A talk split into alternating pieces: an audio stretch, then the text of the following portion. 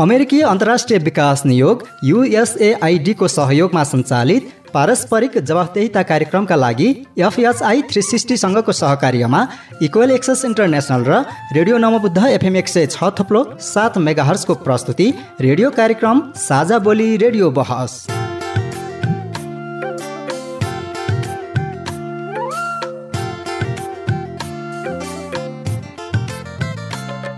नमस्कार। साझा बोली रेडियो बहसमा तपाईँलाई स्वागत छ। म काजल तामाङ। साझा बोली रेडियो बहसमा हामी नागरिक समाज आम सञ्चार माध्यम र सार्वजनिक निकाय बीचको पारस्परिक जवाफदेहिता र आपसी दिगो सम्बन्धका विषयमा बहस गर्छौं। पारस्परिक जवाफदेहिताका क्षेत्रीय सवाल र परिवेश समेटेर तयार पारिएको साझा बोली रेडियो बहसको यो स्थानीय संस्करण हो। आजको साझा बोली रेडियो बहस रेडियो नमोबुद्ध एफएम एक सय छ थोप्लो सात मेगाहर्जले उत्पादन गरेको हो। यो कार्यक्रम सिन्धुपाल्चोक जिल्लाको रेडियो सिन्धु एक सय पाँच मेगाहर्ज नुवाकोट जिल्लाको रेडियो जालपा एक सय चार दशमलव पाँच मेगाहर्ज र रसुवा जिल्लाको रेडियो लाङटाङ नब्बे दशमलव तीन मेगाहर्जबाट पनि सुन्न सकिन्छ। जवाफदेहिताको राष्ट्रिय सवालमा नीति र कार्यान्वयनको समन्वय गर्ने साझा बोली रेडियो बहसको केन्द्रीय संस्करण इक्वेल एक्सेस इन्टरनेशनलले काठमाडौँमा उत्पादन गर्छ। साझा बोलीका दुवै संस्करणहरू तपाईँले हरेक हप्ता यसै समयमा सुन्न सक्नुहुन्छ। साझा बोली रेडियो बहसको यस सत्रको यो स्थानीय संस्करणको आज आठौं भाग हो। झण्डै चार वर्ष अघिदेखि प्रसारण भइरहेको साझा बोली यस वर्ष रेडियो बहसका रूपमा प्रसारण भइरहेको छ। साझा बोली रेडियो बहसमा आज हामी स्थानीय तहका योजना कार्यान्वयन प्रक्रिया र नागरिक सहभागिताबारे बहस गर्दैछौ। स्थानीय तह घर दैलोको सरकार हो। हरेक स्थानीय तहले वर्षभरिका लागि नीति कार्यक्रम तथा बजेट निर्माण गर्दछ। स्थानीय तहले निर्माण गरेको नीति कार्यक्रम र बजेट कार्यान्वयन प्रक्रियामा नागरिक सहभागिता नगरिएका थुप्रै जनगुनासाहरू पनि आइरहेको छ।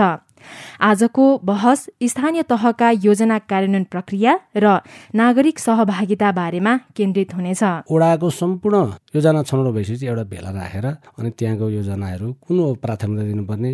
स्कुल हो कि बाटो हो कि स्वास्थ्य हो कि भवन हो कि त्यहाँको खानेपानी हो कि त्यहाँ रहेका आवश्यकताहरू के के हुन्छ यिनै कुराहरूलाई सेरोफेरो राखेर हामी त्यसरी योजना छानेर त्यसैलाई चाहिँ प्राथमिकता दिएर हामी अगाडि बढ्नेछौँ र हामीले जनसहभागिता चाहिँ सकेसम्म चाहिँ सात दिनको सूचना निकाल्ने। सात दिन पछाडि हामीले त्यो भेलामा जति उपस्थिति हुनुहुन्छ जनसहभागिता हुन्छ। उहाँहरूकै सुझाव र सल्लाह अनुसार हामी अगाडि बढेर योजना छान्ने काम गरेका छौँ र अहिलेसम्म त्यहीलाई नै हामीले निरन्तर दिँदै अगाडि बढेका छौँ। साथै योजना कार्यान्वयन प्रक्रियाका लागि उपभोक्ता समिति गठन बारेमा पनि चर्चा गर्नेछौँ। अब चाहिँ उपभोक्ता समिति गठनलाई नै यो अलिकति खराब प्रवृत्ति हो कि भन्ने हिसाबले सरकारले चाहिँ अहिले चाहिँ टोल विकास संस्था गठन गर त्यो चाहिँ फेरि दर्ता पनि गर्नुपर्ने हुन्छ क्या। दर्ता गरेर उपभोक्ता समितिलाई चाहिँ दर्ता गर्नु नभए पनि हुन्थ्यो। तर टोल विकास संस्था चाहिँ अहिले दर्तै गर्नु पर्यो। उहाँहरूले प्यान पनि पाउनुहुन्छ। त्यही अनुसारले चाहिँ अझै त्यसलाई चाहिँ अलिकति पुरस्कृत गर्दै लान खोज्या हो कि जस्तो छ। साझा बोली रेडियो बहस अमेरिकी अन्तर्राष्ट्रिय विकास नियोग युएसएआईडी मार्फत अमेरिकी जनताहरूको सहयोगका कारण सम्भव भएको हो। यस कार्यक्रमभित्रका विषयवस्तु र सामग्री पारस्परिक जवाबदेहिता कार्यक्रमका एकल जिम्मेवारी हुन्। र यहाँ प्रस्तुत भनाइले युएसएआईडी वा अमेरिकी सरकारको विचार प्रतिबिम्बित गर्छन् भन्ने जरुरी छैन। रेडियो कार्यक्रम साझा बोलीमा तपाईँलाई फेरि स्वागत छ। स्थानीय तहका योजना कार्यान्वयन प्रक्रिया र नागरिक सहभागिताका विषयमा कुराकानी गर्नको लागि यतिखेर हाम्रो स्टुडियोमा उपस्थित भइसक्नु भएको छ। काभ्रेको डाँडापारी क्षेत्रमा पर्ने खानीखोला गाउँपालिकाका अध्यक्ष कृष्ण खुलाल र दिगो विकासका लागि राष्ट्रिय अभियान नेपालका कार्यक्रम संयोजक नरेश कुमार श्रेष्ठ। यहाँहरू दुवैजनालाई रेडियो कार्यक्रम साझा बोलीमा हार्दिक स्वागत छ। धन्यवाद। अब हामी विषय प्रवेश गर्छौँ। सबैभन्दा पहिला योजना कार्यान्वयनमा स्थानीय नागरिकहरूको सहभागिता कसरी हुन्छ यिनै विषयमा छलफल गरौँ। पालिकाको योजना छनौट गर्नुभयो। छनौट भएका योजनाहरू कार्यान्वयन गर्ने प्रक्रिया चाहिँ के कस्तो भइरहेको छ सुरुमा तपाईँबाटै सुरु गरौँ न। धन्यवाद काजलजी। यो हाम्रो गाउँपालिका अहिले पाँचौँ वर्षमा हामीले योजना तर्जुमा योजना बाँडिसकेका छौँ। त्यसै गरी हामीले चाहिँ टोल टोल र वडा वडामा चाहिँ भेला राखेर योजना छान्ने गरेका छौँ। त्यो योजना छनौट भएर गाउँपालिकामा आउँछ। अनि गाउँपालिकाको बोर्डले त्यो हेर्छ। त्यहाँ चाहिँ मानवाधिकारवादी शिक्षकहरू त्यहाँको चाहिँ बुद्धिजीवीहरू सबै त्यहाँ चाहिँ सहभागी बनाउने काम गरेका छौँ। र उहाँहरूले छानेको एक नम्बर दुई नम्बर तिन नम्बर हालेर ल्याउनुहोस् है भन्ने खालको कुराहरू हामी गर्छौँ र त्यही अनुसारले हामी योजना तर्जुमा गर्छौँ।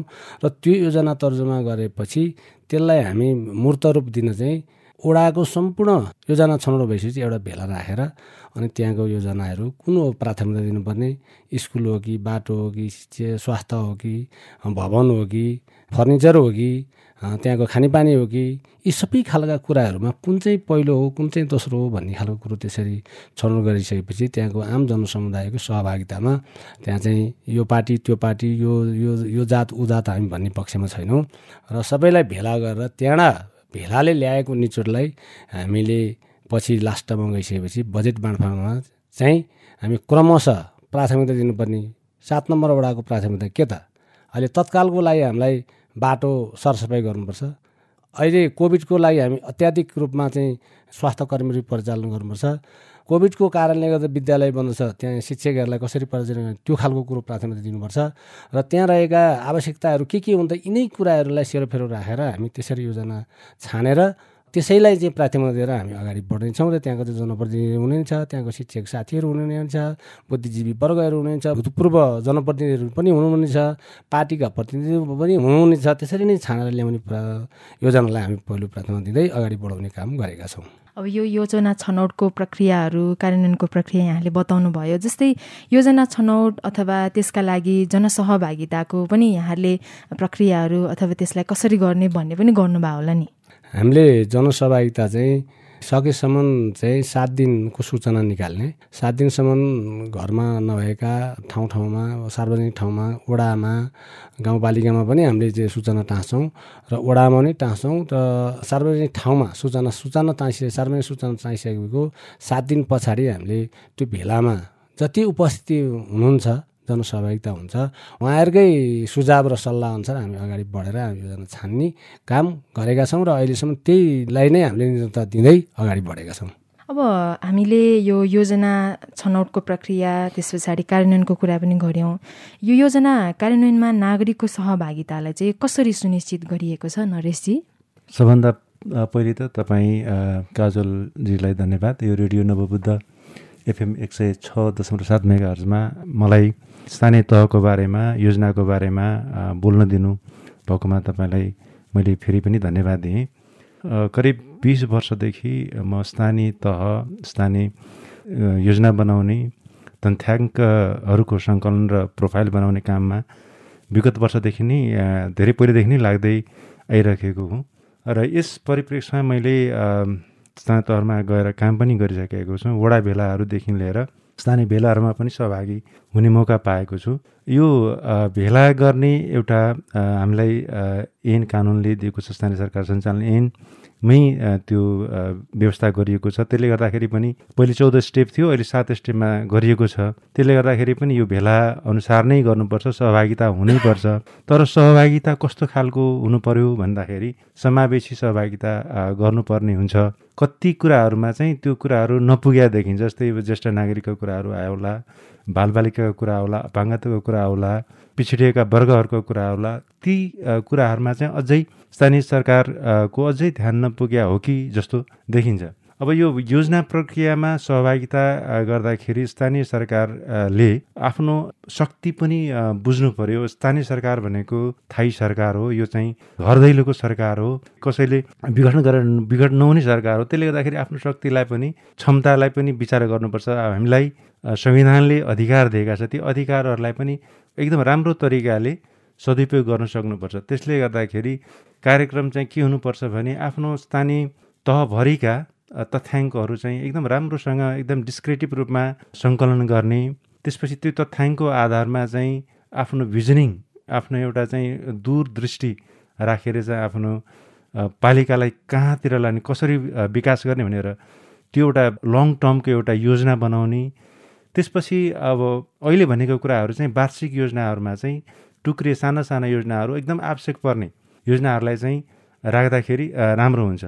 स्थानीय तहहरूले पहिले चाहिँ डाटाहरूलाई चाहिँ सङ्कलन एकदम राम्रोसँग सङ्कलन गर्नु पऱ्यो र त्यो सङ्कलनको आधारमा चाहिँ प्रायोरिटी छुट्याएर अनि लामो एउटा भिजनिङ योजना बनाउनु पऱ्यो त्यसपछि वार्षिक रूपमा योजनाहरू चाहिँ छनौट गर्दै अति आवश्यक पर्ने योजनाहरू चाहिँ सानो सानो योजनाहरूलाई चाहिँ प्राथमिकता गर्दै गर्न जा जानु पऱ्यो त्यो गऱ्यो भने चाहिँ तपाईँले स्थानीय सरकारको एउटा दिशानिर्देश हुन्छ।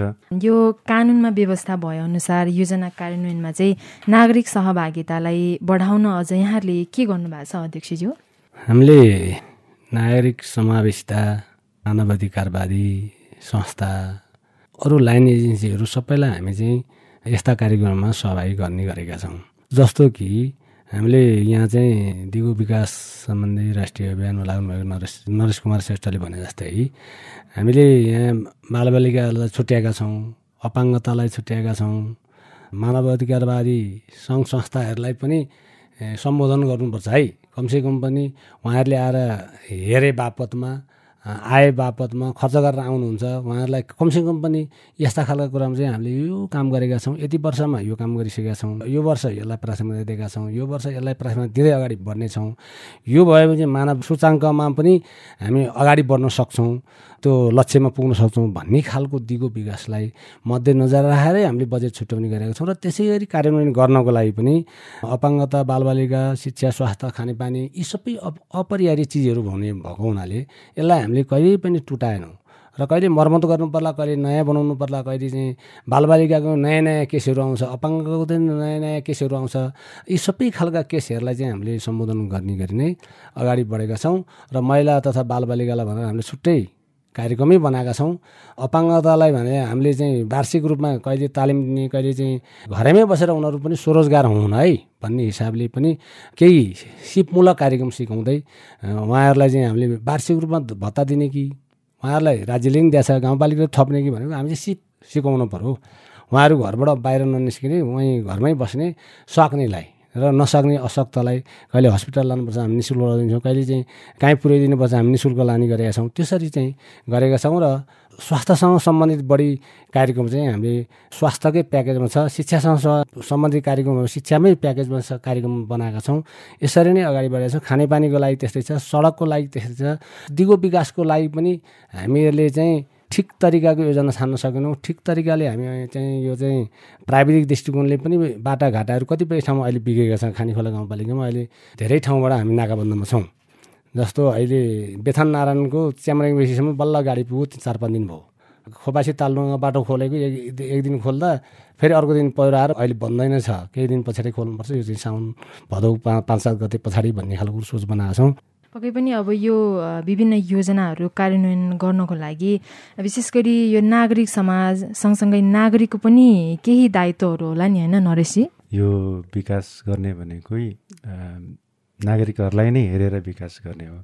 र यसमा दायित्व अवश्य नै हुन्छ। यसमा त स्थानीय सरकार सञ्चालन ऐनमै पनि लेखाएको छ। यो सहभागितात्मक बनाएको छ। र त्यसमा चाहिँ ट्वेन्टी पर्सेन्ट दिने हो कि अब थर्टी पर्सेन्ट कन्ट्रिब्युसन दिने हो अथवा श्रमदान के दिने हो। त्यो नागरिकले आफ्नो योगदान नगरेसम्म चाहिँ कुनै पनि विकास नै स्थायित्व हुँदैन अथवा त्यो चाहिँ चिरथाल कालसम्म रहँदैन। कसैले पनि राम्रो काम गरे पनि इम्पोज कसैलाई जबरजस्ती गऱ्यो भने त्यो काम चाहिँ राम्रो हुँदैन। जस्तो सुकै राम्रो काम पनि।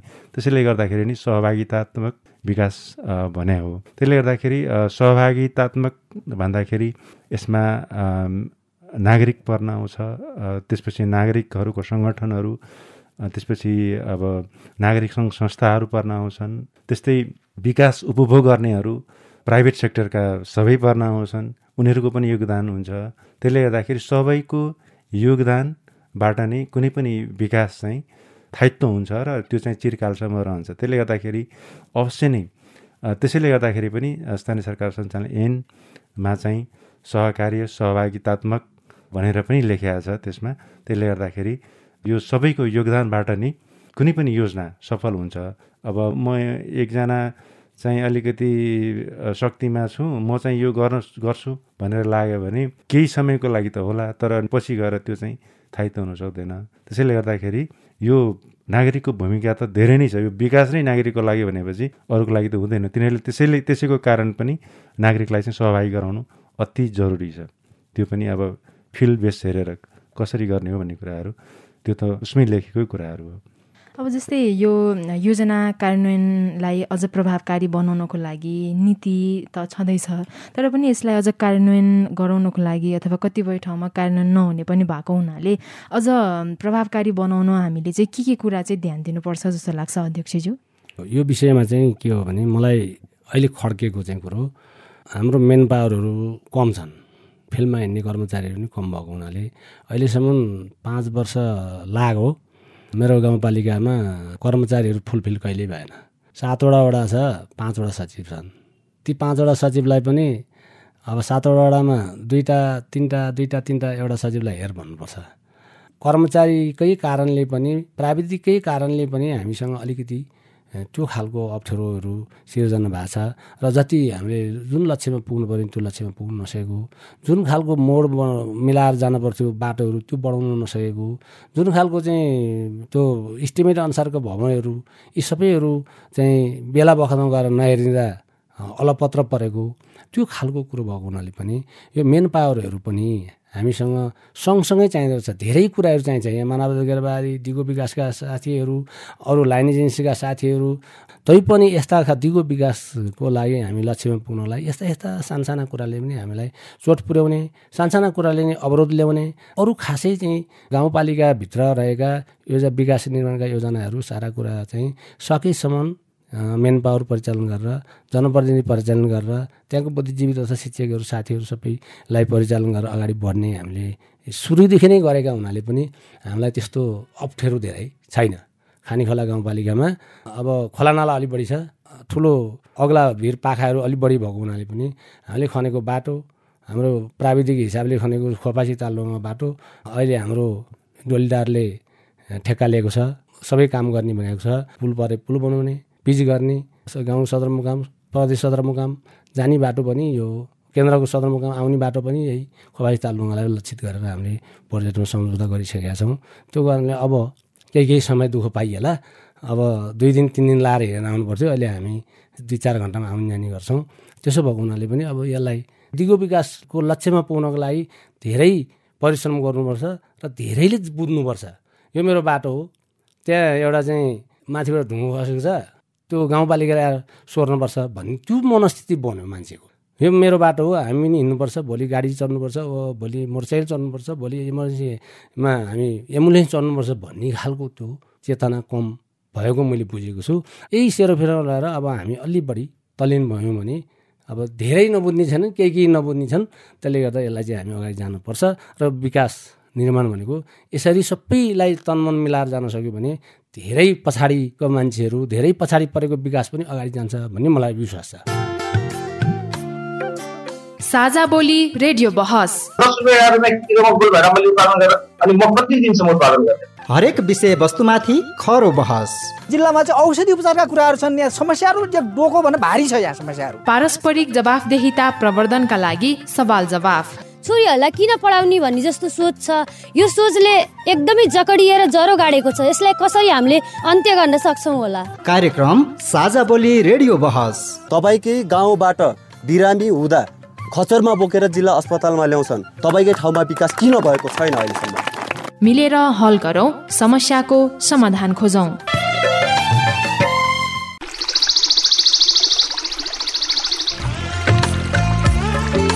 प्रश्न परिवर्तनको सुरुवात हो। जवाफ रूपान्तरणको आधार हो। प्रश्न आविष्कारको जननी हो। जवाफ सुशासनको परिणाम हो। त्यसैले प्रश्न सोधौं जवाफ खोजौं। तपाईँले हामीलाई पैसा नलाग्ने नम्बरमा फोन गरेर आफ्ना कुराहरू भन्न सक्नुहुन्छ। एनसेल प्रयोग गर्नुहुन्छ भने अन्ठानब्बे शून्य पन्ध्र एकहत्तर शून्य उन्तिसमा फोन गर्न सक्नुहुन्छ। एनटिसी प्रयोग गर्नुहुन्छ भने सोह्र साठी शून्य एक शून्य शून्य चार पाँच नौमा फोन गर्न सक्नुहुन्छ। अथवा Boli Sajha at the rate Gmail dot com B O L I S A J H A at the rate Gmail dot कममा इमेल गरेर वा मेरो रिपोर्ट र साझा बोलीको फेसबुक युट्युब ट्विटर टिकटक पोस्टहरूमा सेयर लाइक वा कमेन्ट गरेर पनि आफ्ना कुराहरू भन्नु सक्नुहुन्छ। पारस्परिक जवाफदेहिताका लागि प्रश्न सोधौं जवाफ खोजौं। साझा बोली रेडियो बहस। रेडियो कार्यक्रम साझा बोलीमा तपाईँ अहिले स्थानीय तहका योजना कार्यान्वयन प्रक्रिया र नागरिक सहभागिता बारेमा सवाल जवाफ सुन्दै हुनुहुन्छ। बहसमा हुनुहुन्छ काभ्रेको खानीखोला गाउँपालिकाका अध्यक्ष कृष्ण खोलाल र दिगो विकासका लागि राष्ट्रिय अभियान नेपालका कार्यक्रम संयोजक नरेश कुमार श्रेष्ठ। यसअघि हामीले योजना कार्यान्वयन प्रक्रियाका विषयमा छलफल गर्यौं र योजना कार्यान्वयन प्रक्रियामा नागरिकहरूको अर्थपूर्ण सहभागिता अझै बढाउनुपर्ने निष्कर्षमा हामी पुगेका छौं। तर अझै पनि योजना कार्यान्वयनका लागि बनेका उपभोक्ता समिति निर्माण प्रक्रियामा देखा परेको समस्याबारे अब हामी छलफल गर्छौं। हरेक योजना कार्यान्वयनको लागि हरेक स्थानीय तहहरूले बनाएको उपभोक्ता समितिहरू चाहिँ कसरी निर्माण भइरहेको पाउनु भएको छ नरेशजी उपभोक्ता समितिहरू हाम्रो स्थानीय सरकार सञ्चालनले नै तोक्या छ। अझ अहिले चाहिँ अर्को पनि टोल विकास संस्था पनि गठन गर्नु भनेर भनिसकेका छ एउटा कार्यविधि पनि के अरे हुने आइसकेका छ। त्यसरी पनि यो बन्ने गरेका छन् अहिले स्थानीय तहहरूमा। उपभोक्ता समिति गठन गर्नको लागि जुन ठाउँमा विकास लाने हो जे आवश्यकता पर्छ त्यहीँको वरिपरिका नागरिकहरू सङ्गठित भएर त्यो योजनालाई चाहिँ आत्मकरण गर्ने र त्यसलाई चाहिँ दिगो राख्ने हो। र त्यो कहिलेकाहीँ गठन गर्दाखेरि चाहिँ कहिलेकाहीँ चाहिँ अलिकति विधि नपुग्या हो कि कहीँ फेक अथवा अन्य उपभोक्ता समिति गठन भएको हो कि भन्ने पहिले पहिले थियो। अहिले चाहिँ सायद धेरै उपभोक्ता समितिहरू चाहिँ राम्रै नै गठन भएको छ। कति उपभोक्ता समितिहरूमा चाहिँ अब समावेशिताको आधारमा महिला चाहिने अथवा अपाङ्गता भएको मान्छे चाहिने ज्येष्ठ नागरिक चाहिने अरू चाहिने कुराहरू पनि तोकिया छ। त्यहाँ एउटा कार्यविधि नै तोकिया छ। सार्वजनिक सार्वजनिक पद धारण गरेको मान्छेहरू चाहिँ उपभोक्ता समितिमा बस्न नपाउने भन्ने एउटा अवधारणा पनि छ। त्यो उपभोक्ता समिति त्यसरी गठन हुन्छ। एउटा प्रक्रिया चाहिँ र कहिलेकाहीँ चाहिँ अब अलिकति हाम्रो चलनमा भनौँ अथवा एक किसिमको मानसिक विकृति भनौँ अथवा के भनौँ कहिलेकाहीँ देखिन्छ कहिलेकाहीँ त उपभोक्ता समिति हाम्रो अब अवधारणा चाहिँ त्यो उपभोक्ता समितिले चाहिँ त्यो काम गरोस् भनेर भन्ने हो।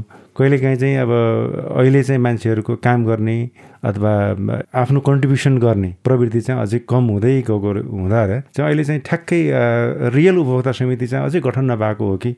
भन्ने काम गर्न नचाहने अथवा उपभोक्ता समिति गठन गर्यो त्यसपछि त्यो काम चाहिँ अन्य ठेकेदारहरूलाई अथवा निर्माण व्यवसायहरूलाई अथवा अन्य लाई चाहिँ हस्तान्तरण गर्ने त्यो प्रविधि चाहिँ हामीले पनि देखेका छौँ। योभन्दा पहिला हामीले जवाबदेहिता काम गर्दाखेरि पनि त्यो कुराहरू देखेका थियौँ। र अब चाहिँ यी उपभोक्ता समिति गठनलाई नै यो अलिकति खराब प्रवृत्ति हो कि भन्ने हिसाबले सरकारले चाहिँ अहिले चाहिँ टोल विकास संस्था गठन गर अनि त्यो चाहिँ फेरि दर्ता पनि गर्नुपर्ने हुन्छ क्या। दर्ता गरेर उपभोक्ता समितिलाई चाहिँ दर्ता गर्नु नभए पनि पाउ हुन्थ्यो। तर टोल विकास संस्था चाहिँ अहिले दर्तै गर्नु पऱ्यो उहाँहरूले प्यान पनि पाउनुहुन्छ।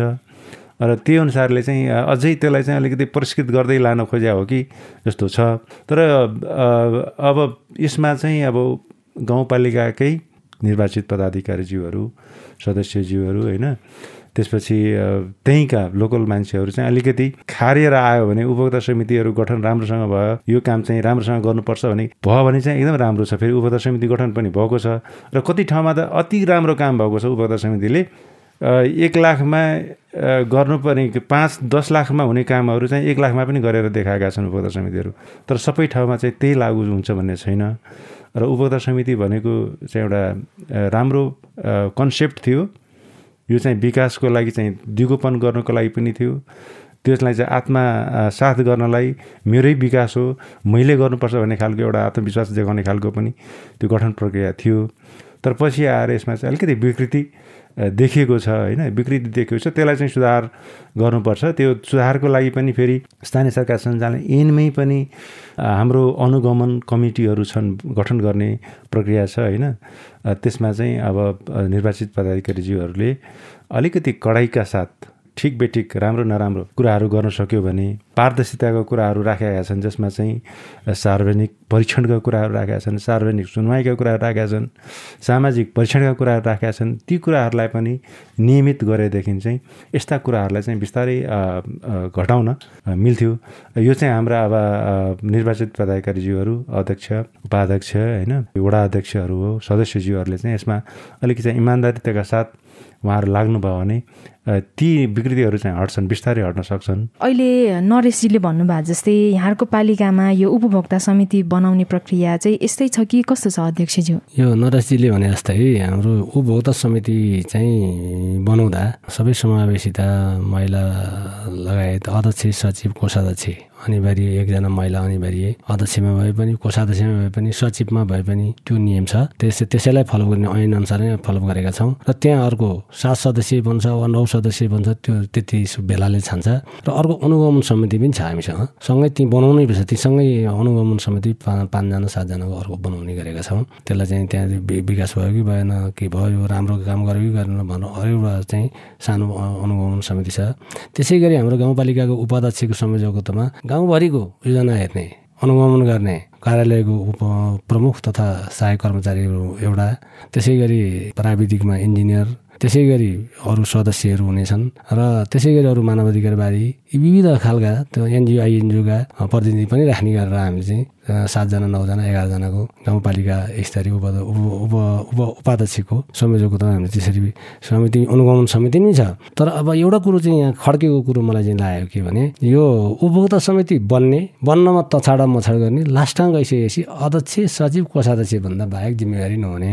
यहाँनिर यो अप्ठ्यारो छ। त्यो खालको कुरोले पनि अलिकति जनसहभागितामा कमी आएको देखिन्छ। उपभोक्तालाई चाहिँ एक्टिभेट बनाउनको लागि काम गर्यो भने स्थानीय सरकारले अझ बढी जस पाउँछ। अध्यक्षज्यूले भन्नुभएको जस्तै यो उपभोक्ता समितिलाई अझ सक्रिय बनाउन उहाँहरूले गर्नुपर्ने काम कर्तव्यबारे भूमिकाबारे अझ जानकारी गराउन तपाईँहरू जस्तै नागरिक समाज अथवा नागरिक स्वयं आफैले चाहिँ के गर्नु पर्ला त नरेशजी?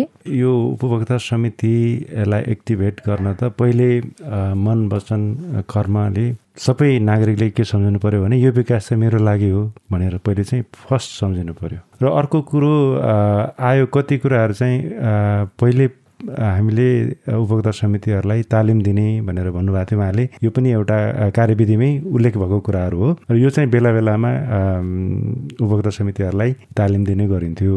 अब उपभोक्ता समितिलाई अहिले सायद एक करोड रुपियाँसम्म चाहिँ काम गर्ने अधिकार दिएको छ। पहिले साठी लाख थियो अहिले चाहिँ एक करोड रुपियाँसम्मको लागि। दिन्छ एक करोड रुपियाँ भनेको उपभोक्ता समितिको लागि धेरै हो। एक करोडमा उनले धेरै काम गर्न सक्छ। त्यसको लागि पालिकाले एकदम सही सही मान्छेहरू चाहिँ छनौट गर्नु पर्यो एउटा।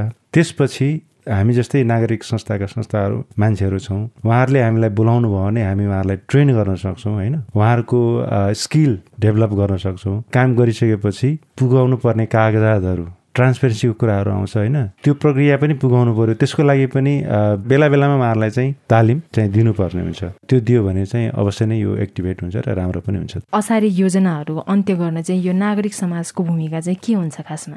यो बडा पिचिलो कुरा हो। यो चाहिँ तपाईँको स्थानीय तह मात्र होइन यो केन्द्रीय सरकारदेखि नै सङ्घीय सरकारदेखिकै एउटा रोग छ। योभन्दा पहिले पनि हामीले कार्यक्रममा पनि भन्ने गरेका थियौँ। यो चाहिँ असारमै आएर बजेट जुन विनियोजन गर्छन् त्यो चाहिँ ठिक होइन। त्योभन्दा पहिलेदेखि नै बजेट चाहिँ आउनुपर्छ र यो बजेट आयो कि आएन त्यसको अनुगमन पनि हुनुपर्छ।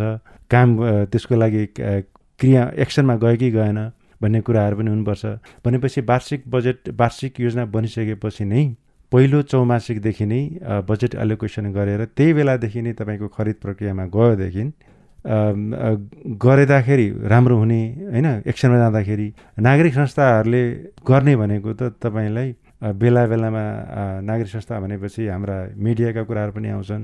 हामी जस्ता नागरिक सङ्घ संस्थामा काम गर्नेले पनि बेला बेलामा यस्तो कुराहरूलाई चाहिँ उठाइदिनु पऱ्यो यी कुराहरू उठाउँदा उठाउन त उठाउने गरेका छौँ हामीले उठाइरहेका छौँ। यो चाहिँ गलत हो असारमा मात्रै काम गर्नु हुँदैन पानी परेको बेलामा गर्नु हुँदैन। यसलाई चाहिँ एउटा के अरे बजेट पहिले नै एलोकेसन भइसकेपछि त्यसलाई चाहिँ त्यही अनुसार खर्च गर्दै जानुपर्छ भन्ने एउटा परिपाटी पनि छ। पनि अब यस नागरिक संस्थाहरूले जतिसुकै भने पनि एउटा माइन्डसेट अथवा एउटा जमात यस्तो छ जसले चाहिँ लास्टमा गएर चाहिँ फेरि त्यही असारमै लगेर फेरि त्यो कामहरू पानी परिरहेको बेलामा गरिराखेका देख्छौँ। अब तपाईँहरू जस्तो एफएम कार्यक्रम रेडियोबाट आइराखेका हुन्छन् उता टेलिभिजनबाट आइराखेका हुन्छन् यसको यति व्यापक विरोध छ नागरिकले कुराहरू उठाइराखेका छन्। तर पनि अब यो हाम्रो अब जनप्रतिनिधिमा भनौँ अथवा हाम्रो कर्मचारी संयन्त्रमा भनौँ केही न केही कुराहरू चाहिँ त्यो हिडेन फ्याक्टरहरू लुक्या छन्। व्यक्तिगत स्वार्थहरू कतै लुक्या छन् कि भन्ने खालको एउटा चाहिँ यो चाहिँ देखिन्छ। नत्र भने नागरिक समाजहरूले त कुरा उठाइराखेको छ। पत्रिकामा कुरा आएकै छ एफएमबाट कुरा आएकै छ टेलिभिजनबाट कुरा आएकै छ। हामीहरू कुरा गरिराखेका छौँ। यो असारमा विकास हुनु भएन। यो पहिलेदेखि नै पैसाको एलोकेसन गर। गरेकै छ सरकारले त्यो एलोकेसनहरू पनि छुट्या छ। चौमासिक रूपमा तपाईँहरूको पैसाहरू विनियोजन गरेका छन्। तर खर्च किन लास्टमा? भनेपछि यो कुराहरू चाहिँ अझै पनि मान्छेको माइन्डसेटमा हिडन इन्ट्रेस्टमा पर्ने हुँदाखेरि नागरिक संस्थाहरूले त खालि आवाज उठाउने मात्रै हो। एक्सनमा जाने त तपाईँको कर्मचारी र तपाईँको जननिर्वाचित नेताहरू नै हुन्। अब उहाँहरूको माइन्डसेट उहाँहरूको धारणालाई चाहिँ अब कसरी परिवर्तन गर्ने भन्नेतिर लाग्ने। कि त कडा कानुन बनाउनु पऱ्यो होइन? यति चाहिँ गरेन भने चाहिँ कानुनहरू बनाएर यति पर्फर्मेन्स भएन भने चाहिँ यो गर्ने भने क्लियर कुराहरू राख्यो भने चाहिँ सायद त्यो चाहिँ अब बिस्तारै छुट्छ होला। यो श्रावणदेखिको श्रावण भादो कार्तिकसम्म चाहिँ यति काम चाहिँ गर्नु पऱ्यो त्यसपछि यति काम गर्नु पऱ्यो त्यसपछि यति काम गर्नु पऱ्यो छुट्याइदिने गरेन भने चाहिँ त्यहाँ चाहिँ दण्ड जरिवानाको कुराहरू राख्ने गर्यो भने चाहिँ अथवा निर्माणै काम गरिसकेको छ भने पनि असारमा जसले काम गरेका छन् कति वर्षको लागि हो त्यो त्योसम्म पुगेन भने त्यो काम गर्नेलाई चाहिँ त्यो चाहिँ दायित्व बिहोर्न लगाउने। त्यो गऱ्यो भने त्यो साहित्य हुन्छ कि।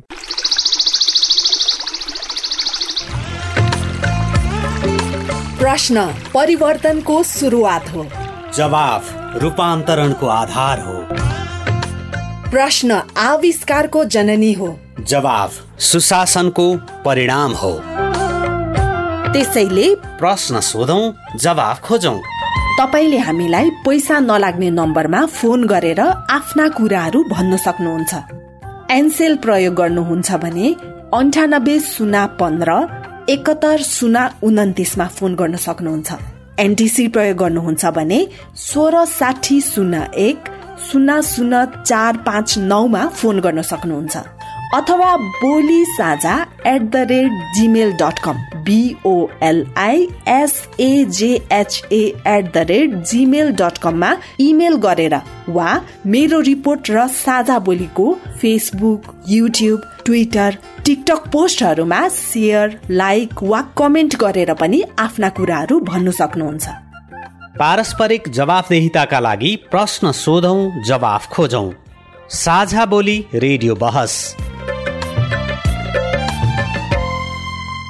साझा बोली रेडियो बहसमा अहिले हामी कुरा गरिरहेका छौँ स्थानीय तहका योजना कार्यान्वयन प्रक्रिया र नागरिक सहभागिता बारेमा। हामीसँग छलफलमा काभ्रेको खानीखोला गाउँपालिकाका अध्यक्ष कृष्ण खोलाल र दिगो विकासका लागि राष्ट्रिय अभियान नेपालका कार्यक्रम संयोजक नरेश कुमार श्रेष्ठ हुनुहुन्छ। यतिन्जेल हामी योजना कार्यान्वयनका लागि बनेको उपभोक्ता समितिहरू समावेशी र असारे बजेट सम्पन्न गर्ने खालको नभई सबै नागरिकको अपनत्व हुने उपभोक्ता समिति बनाई दिगो विकास गर्नुपर्नेमा सहमत भएका छौं। अब हामी स्थानीय तहले निर्माण गरेको नीति कार्यक्रम र बजेट कार्यान्वयनमा पारदर्शिताको सवालमा छलफल गर्नेछौ। साझा बोली रेडियो बहस सुन्दै गर्नुहोला।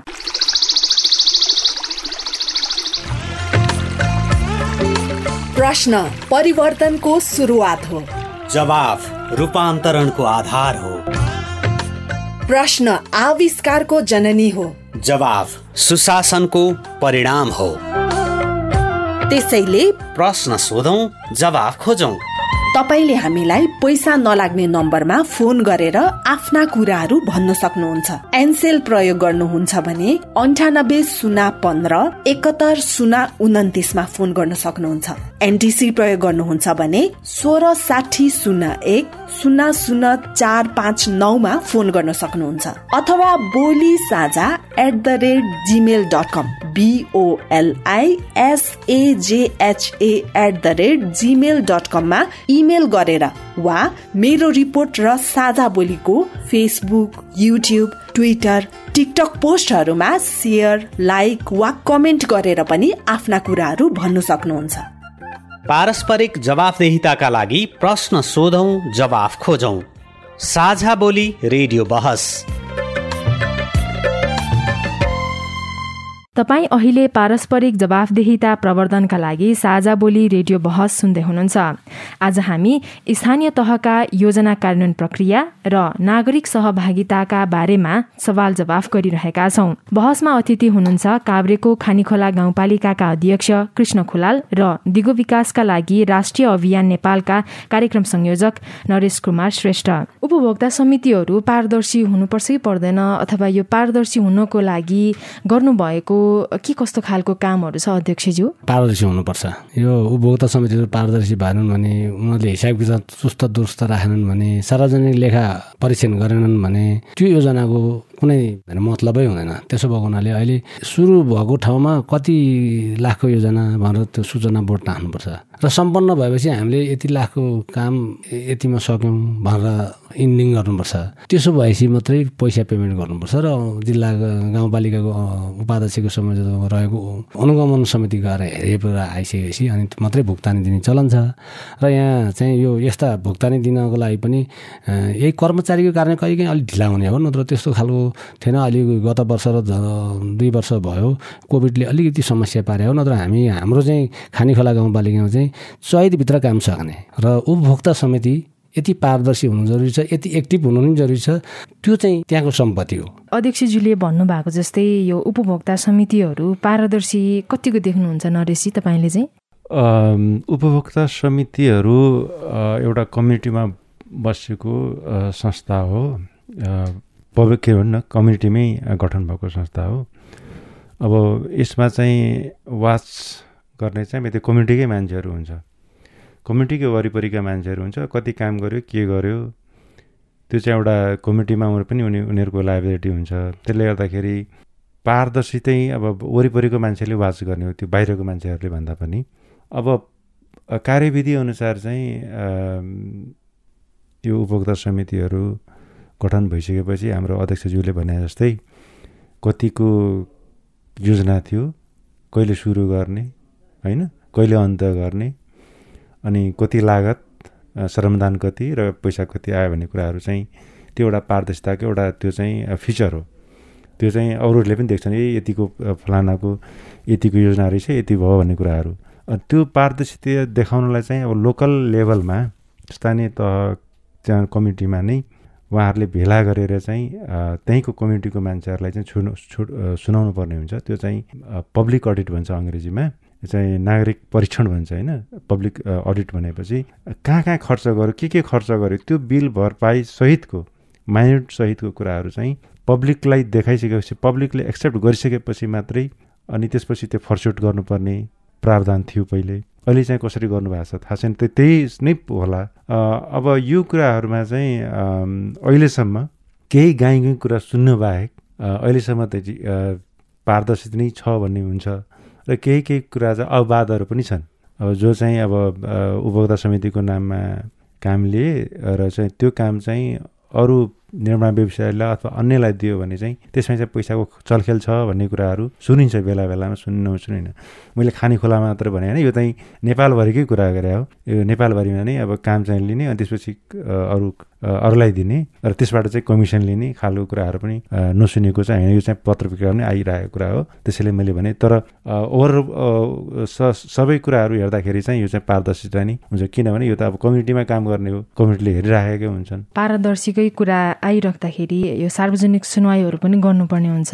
यहाँहरूले कतिको गर्नुभएको छ अध्यक्षज्यू? सबै योजनाहरू उपभोक्ता समितिले गर्ने कामहरू गरिसकेपछि तिनीहरूले चाहिँ जुन फ्ल्यासबुटमा लेखेर यहाँदेखि यहाँसम्म यति यहाँदेखि यहाँसम्म यति यसरी चाहिँ हामीले बनायौँ हामीले यति काम गऱ्यौँ भनेर जुन आएको छ त्यो कुरो आइसकेपछि हामीले चाहिँ वडा स्तरमा भेला गरेर हामीले सात नम्बर वडाको कतिवटा योजना थिए ती हामीले कसरी चाहिँ कुन कुन चाहिँ हुँदो रहे कुन कुन चाहिँ सम्पन्न भयो सम्पन्न नहुनुको कारण के यो खालको चाहिँ हामीले परिस्थितिलाई सबै वडा वडामा वार्षिक रूपमा हामी भेला गर्छौँ अनि त्यसैलाई पब्लिक रूपमा हामीले गाउँपालिकाले त्यसैलाई मानेको छ र त्यसै गरेर हामी अगाडि बढ्छौँ र अब भोलि कुन योजना अधुरो छ कुन चाहिँ नचुट्टै नहुने भन्ने खालको त्यो पब्लिक अडिटको गरेपछि थाहा हुन्छ। त्यसो भयो भने यसलाई चाहिँ त्यो सहजता नै हुँदो यो अनिवार्य गर्ने नै गरेका छौँ र वार्षिक रूपमा हामी सबै वडामा गर्छौँ। यो स्थानीय तहमा जुन उपभोक्ता समितिहरू गठन हुन्छन् उपभोक्ता समितिले चाहिँ होर्डिङ बोर्ड राख्नुपर्ने भन्ने कुराहरू पनि छ। अलिकति प्रश्न पारिदिनुहोस् न नरेशजी यसमा चाहिँ। उपभोक्ता समितिको सम्झौता भइसकेपछि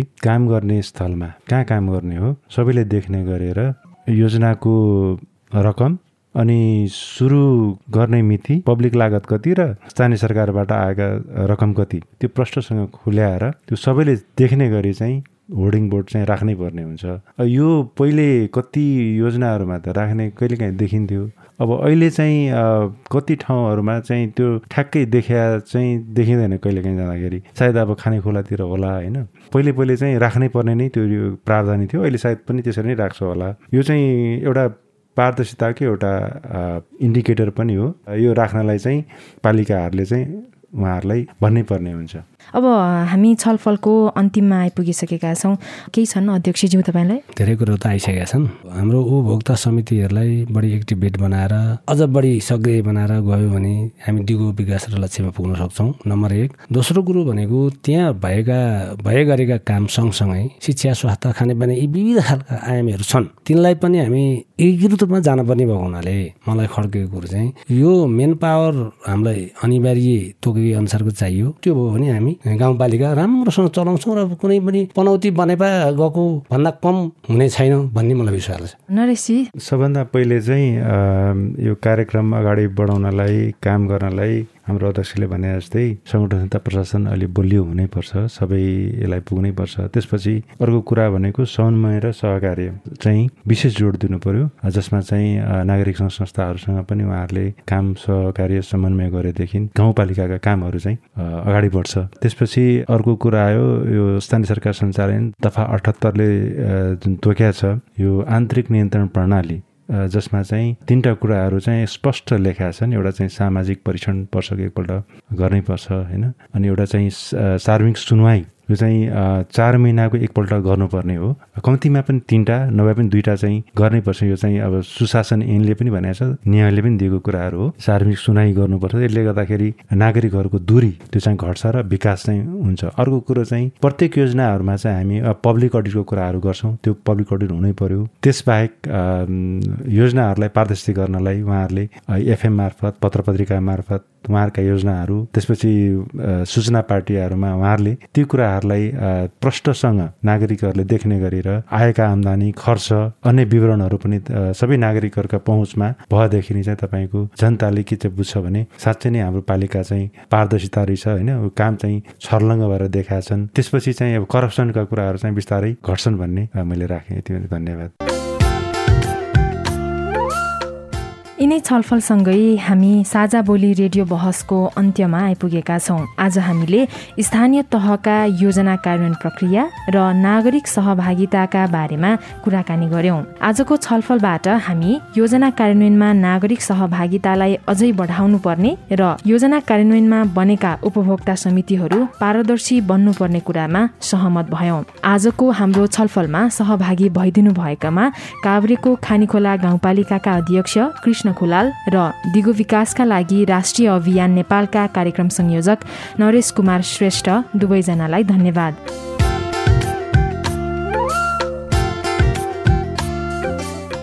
साझा बोली रेडियो बहसबारे मनका कुरा भन्नको लागि एनटिसीको मोबाइल वा ल्यान्डलाइन फोन प्रयोग गर्नुहुन्छ भने सोह्र साठी शून्य एक शून्य शून्य चार पाँच नौमा फोन गर्न सक्नुहुन्छ। एनसेल प्रयोग गर्नुहुन्छ भने अन्ठानब्बे शून्य पन्ध्र एकहत्तर शून्य उनातिसमा फोन गर्नुहोला। यी नम्बरहरूमा फोन गरेको पैसा लाग्दैन र प्राप्त निर्देशन अनुसार प्रश्न सोध्न सकिन्छ। पारस्परिक जवाफदेहिता बारे आफूले देखे सुने या भोगेका कुनै कुरा लेख मार्फत व्यक्त गर्न चाहनुहुन्छ वा अरूका लेखहरू पढ्न चाहनुहुन्छ भने W W W dot MEROREPORT dot नेटमा पनि लगइन गर्न सक्नुहुन्छ। साझा बोली रेडियो बहस तपाईँले मेरो रिपोर्ट वेबसाइट पोडकास्ट च्यानल र सामाजिक सञ्जालहरूमा पनि सुन्न सक्नुहुन्छ। हवस् त आजको साझा बोली रेडियो बहसबाट अब विदा हुने बेला भयो। यतिन्जेल ध्यान दिएर कार्यक्रम सुन्नु भएकोमा तपाईँलाई धन्यवाद। आगामी हप्ता पनि आजको जस्तै समयमा सार्वजनिक जवाफदेहिताको अर्को विषयमा खरो छलफल लिएर आउनेछौ। सुन्न नबिर्सिनुहोला। आजको कार्यक्रमबाट म काजल तामाङ विदा भए। नमस्कार।